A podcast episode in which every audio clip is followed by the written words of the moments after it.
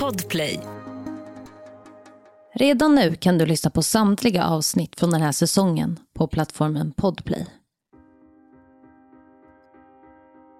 29 november år 2000. Vi befinner oss i Australien. Det är något som inte stämmer. John har inte dykt upp på sitt arbete.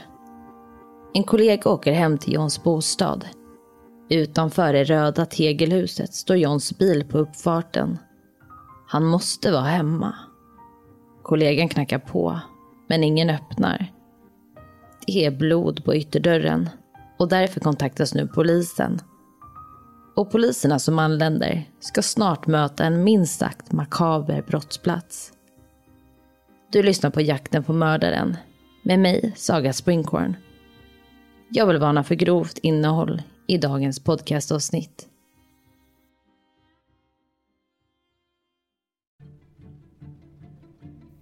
Polisen har larmats till ett hus i Aberdeen, en liten stad i Australien som är känd för den omgivande landsbygden. Rika betesmarker, mejeri och vete, nötkreatur och får är integrerade delar av den lokala ekonomin. Staden beskrivs av många som en idyll, men den här historien ska berätta något helt annat. 45-årige John Price har inte dykt upp på sitt arbete. Det var inte likt honom. Han var en sån där person som alltid var först på plats på sitt arbete. En hårt arbetande man. Johns kollega tittar in genom Johns bostadsfönster och ser något som hänger från taket. När han utöver det ser blod på ytterdörren kontaktar han polisen. Poliserna som anländer tar sig in genom bostadens bakdörr.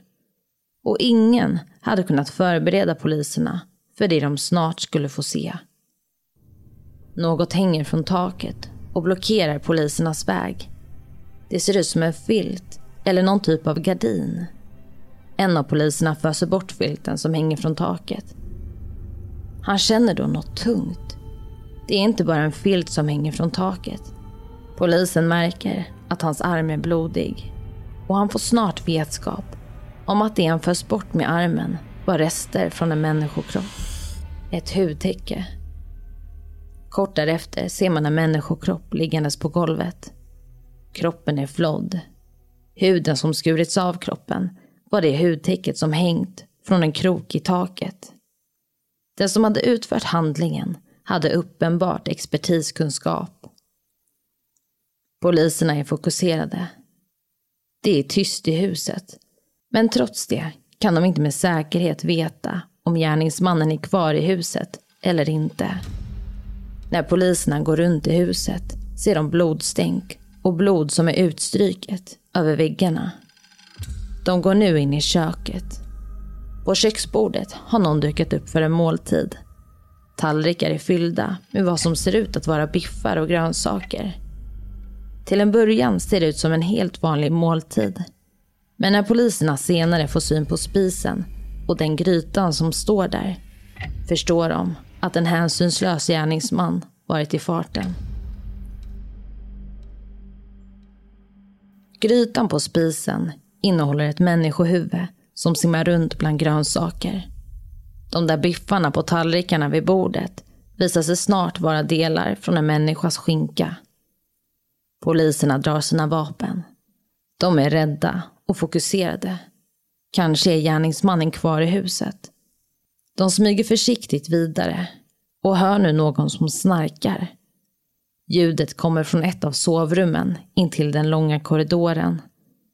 De går in i sovrummet och ser där en kvinna som ligger sovandes i sängen. Poliserna försöker väcka kvinnan, men utan resultat.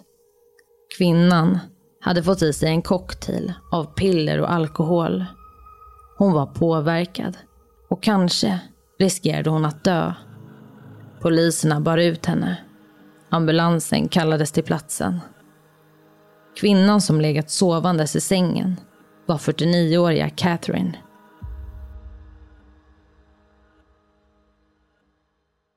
Ja, man har nu hittat 45-åriga John avliden i sitt hem. Inne i huset är det blod utsmetat i nästan varje rum Och när rättsläkare undersöker kroppen kan man konstatera att John knivhuggits 37 gånger. Attacken mot honom hade varit enormt våldsam. Många av de här knivhuggen var djupa och hade nått flera organ i kroppen. Däribland lungor, lever och njurar. Och i och med den kraftfulla attacken hade också blodförlusten varit enorm. Och i taket så hänger ju Johns flodda hud. Och det som är anmärkningsvärt är att huden är flodd i ett stycke och har på så vis bildat ett stort hudtäcke. Och allt hade gjorts väldigt skickligt. Och man kan snart konstatera att den som utfört handlingen hade expertiskunskap inom det här området. Alltså någon med erfarenhet. Huden hade flotts på huvudet, ansiktet, näsan, öronen, halsen, bålen, könsorganen och benen.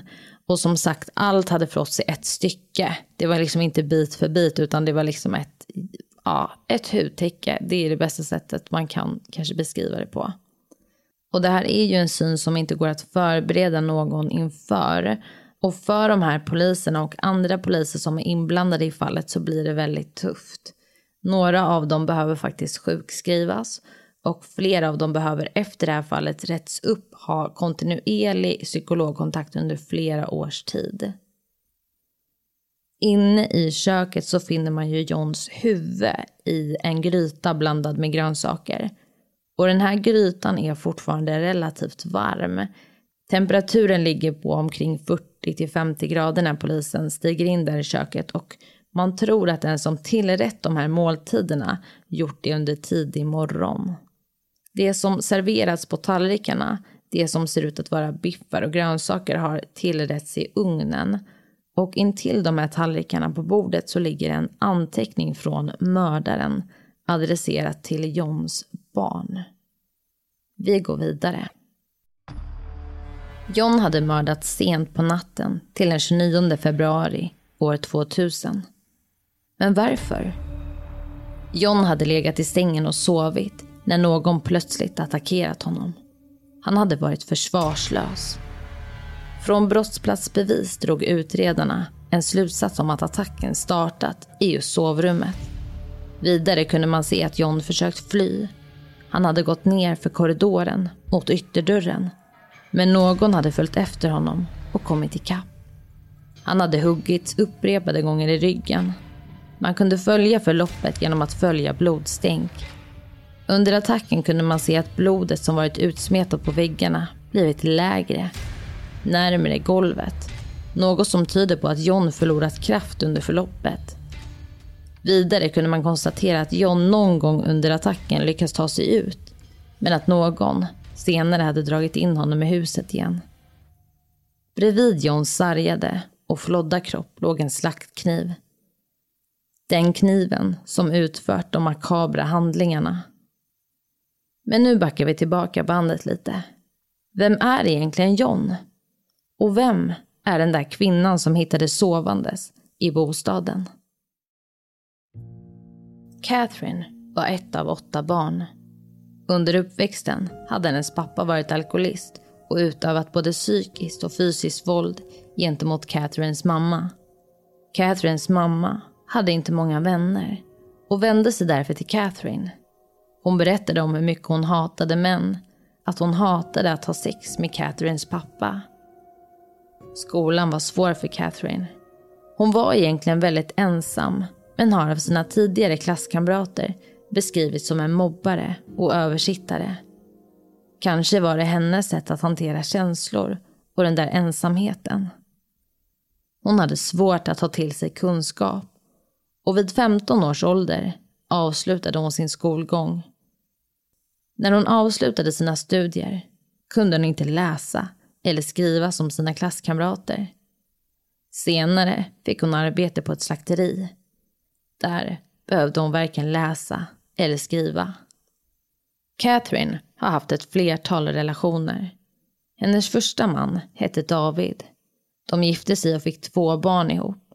Men med tiden fick David se Catherines mörka sidor. Hon var oförutsägbart våldsam.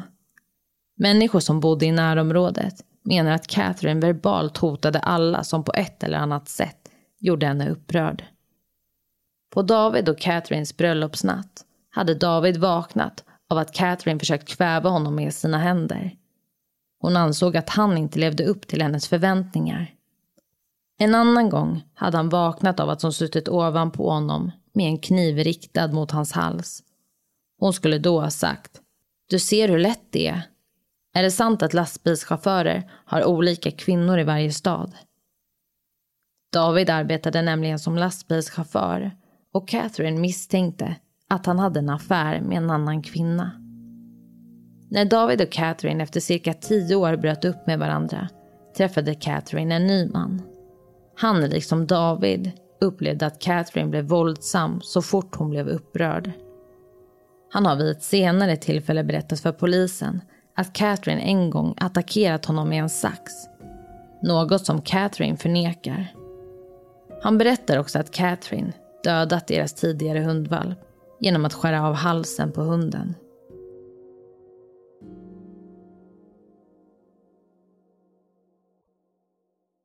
Ja, Catherine har flera relationer i ryggen och alla män som hon varit tillsammans med har beskrivit henne som just våldsam. Men sån dag, 1995, träffar Catherine John. John känner till Catherine sedan innan. Han vet att många ser henne som våldsam, men han blir förälskad. John bodde i ett rött tegelhus tillsammans med sina tre barn. Han har av vissa beskrivits vara en alkoholist. Han brukade dricka stora mängder alkohol på kvällarna. Men han såg alltid till att sköta sitt arbete. Han har beskrivits vara en hårt arbetande man. År 1995 flyttar Catherine in i Johns hus. Johns barn tycker om Catherine. Hon är snäll och rolig. Och den första tiden är underbar för alla inblandade. Men tiden går. Och nu vill Catherine gifta sig med John. Men John känner inte samma sak. Han vill inte gifta sig. Men han vill gärna fortsätta vara tillsammans med Catherine. Catherine blir upprörd. Hur kan inte John vilja gifta sig med henne? Hon bestämmer sig för att sätta ner foten och göra något som ska förstöra för John. Hon är hämndlysten. John hade stulit med sig ett medicinskt kit från sitt arbete. En första hjälpen-låda. Kittet hade passerat sitt bäst före-datum. Och han tänkte att det nog inte var så farligt att stå med sig kittet hem. Det hade ju ändå gått ut.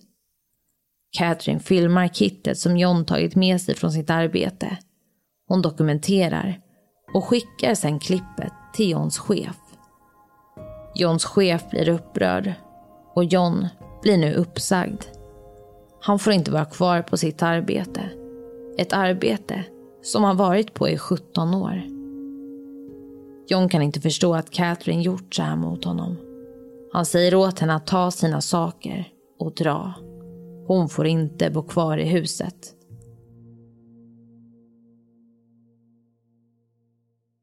Mm, det här kan ju tyckas vara ganska anmärkningsvärt. Att en person som man lever tillsammans sätter dit den på det här sättet, liksom avslöjar den. Men John älskar verkligen Catherine. Och efter cirka tre månader så börjar de faktiskt träffas igen. Och människor i Johns omgivning börjar fundera över det här. Hur i helskotta kan han ta tillbaka Catherine efter allt som hon gjort mot honom? Och John dricker ju ibland öl på den lokala puben och nu bestämmer han sig för att byta pub. Han känner för många människor på den gamla puben och många lägger sig i och säger att han har tagit fel beslut. Men John tänker att han och Catherine kanske kan få tillbaka den här relationen som de en gång haft. Så nu börjar de träffas igen. Men den här gången så vill John inte att Catherine flyttar in hos honom. Men Catherine är ju faktiskt en kvinna som älskar att bestämma. Och hon gör det klart för John att om hon vill bo i huset, då gör hon det. Men nu börjar bråken och tjafsen ta fart igen och nu mer frekvent än tidigare. Catherine hotar John och John blir väldigt, väldigt rädd. Han berättar för kollegor att det är saker och ting som inte stämmer där hemma. Han berättar för grannar. Han skickar ut lite varningssignaler. Men ingen hade kunnat ana hur allvarligt det hela skulle sluta. Och om du vill se bilder från dagens fall så kan du gå in på min Instagram där jag heter Saga Springhorn och trycka på storybubblan Jakten S8. Vi går vidare. I februari år 2000 kulminerade en serie överfall mot John. Catherine agerade hotfullt både psykiskt och fysiskt mot honom. Den 29 februari är John på väg hem från sitt arbete. Han stannar till vid en lokal domstol för att begära ut ett besöksförbud i ett försök att hålla Catherine borta från både sig själv och sina barn. John hade vid den här tidpunkten också filmat sina barn samtidigt som han berättat om saker som de skulle ärva om han någon dag skulle dö. Under eftermiddagen hade John pratat med sina kollegor. Han sa att om han inte dyker upp dagen därpå så har Catherine dödat honom. Han kände att något var på gång. Kollegorna ber John att inte åka hem. Han måste göra något. Men John fruktade för sina barns liv. Han visste att Catherine var opolitlig och kunde använda våld mot både honom och hans barn. När John kommer hem visar det sig att Catherine skickat iväg hans barn för att sova över hos en kompis. John går över till grannarna och stannar där till sena kvällen. Runt klockan 23.00 går han och lägger sig. Catherine tar sig in i huset. Catherine tittar på TV och tar sedan en dusch. Därefter väcker hon John och de har sex. När John sover smyger sig Catherine in i sovrummet. Hon hugger honom i bröstet. Han vaknar och försöker fly. Han gör allt i sin makt och springer genom huset. Han lyckas öppna dörren, men han är skadad och har snart inga krafter kvar. Catherine drar in honom igen och snart ramlar han ihop. Och vidare fortsätter Catherines makabra handlingar. Catherine hittas dagen därpå sovandes i huset. Hon förs med ambulans till sjukhuset på grund av ett högt intag av piller och alkohol. Dagen därpå grips hon och hon säger att hon inte kommer ihåg något från kvällen eller natten. Det sista hon minns är att hon tittade lite på TV och sen är det svart. En psykiatriker som bedömer hennes trovärdighet när det kommer till minnesförlusten menar att hon troligtvis ljuger. Hon betraktas som icke trovärdig. Catherine genomgår en rättspsykiatrisk utredning och det framkommer att hon inte lider av någon allvarlig psykisk sjukdom. Hon kan således riskera fängelse för det dåd hon tros begått. Det är ingen som tvivlar på att det är Catherine som utfört dådet. Det finns dels ett flertal vittnen, vittnen som berättar om Johns ord och hans oro. Utöver det finns det en hel del tekniska bevis som knyter Catherine till mordet. Catherine säger först att hon är oskyldig, men hon kommer att ändra sig under rättsprocessen. I ett ganska tidigt skede konstaterar man att den som flott Johns kropp haft expertiskunskap och i och med att Catherine är en styckmästare och har arbetat på slakteri sedan ung ålder så är det ytterligare något som knyter henne till mordet. Under rättegången så erkänner sig nu Catherine skyldig. Och domaren säger följande. De sista minuterna av Johns liv måste ha varit en tid av fruktansvärd terror för honom. Eftersom det var en tid av fullkomlig njutning för henne. Man bedömer att Catherine är en fara för samhället och hon ska därför spendera resten av sitt liv inlåst. Villkorlig frigivning bör aldrig övervägas när det kommer till Catherine. Citat. Fången ska aldrig släppas. Ja, det här var berättelsen om John Price fruktansvärda öde. Och i nästa vecka så kommer jag att berätta om 17-åringen Ellie. Ellie gör slut med sin pojkvän och dagen därpå hittas hon livlös. Och om du inte orkar vänta till nästa vecka kan du redan nu gå in på plattformen Podplay och lyssna på avsnittet. Och där finns också alla avsnitt från den här säsongen publicerade. Och om du vill komma i kontakt med mig kan du skriva till mig på min Instagram, det heter Saga Springkorn, eller mejla till jakten på mordaren springkorn.se. Tack för att du har lyssnat på dagens avsnitt.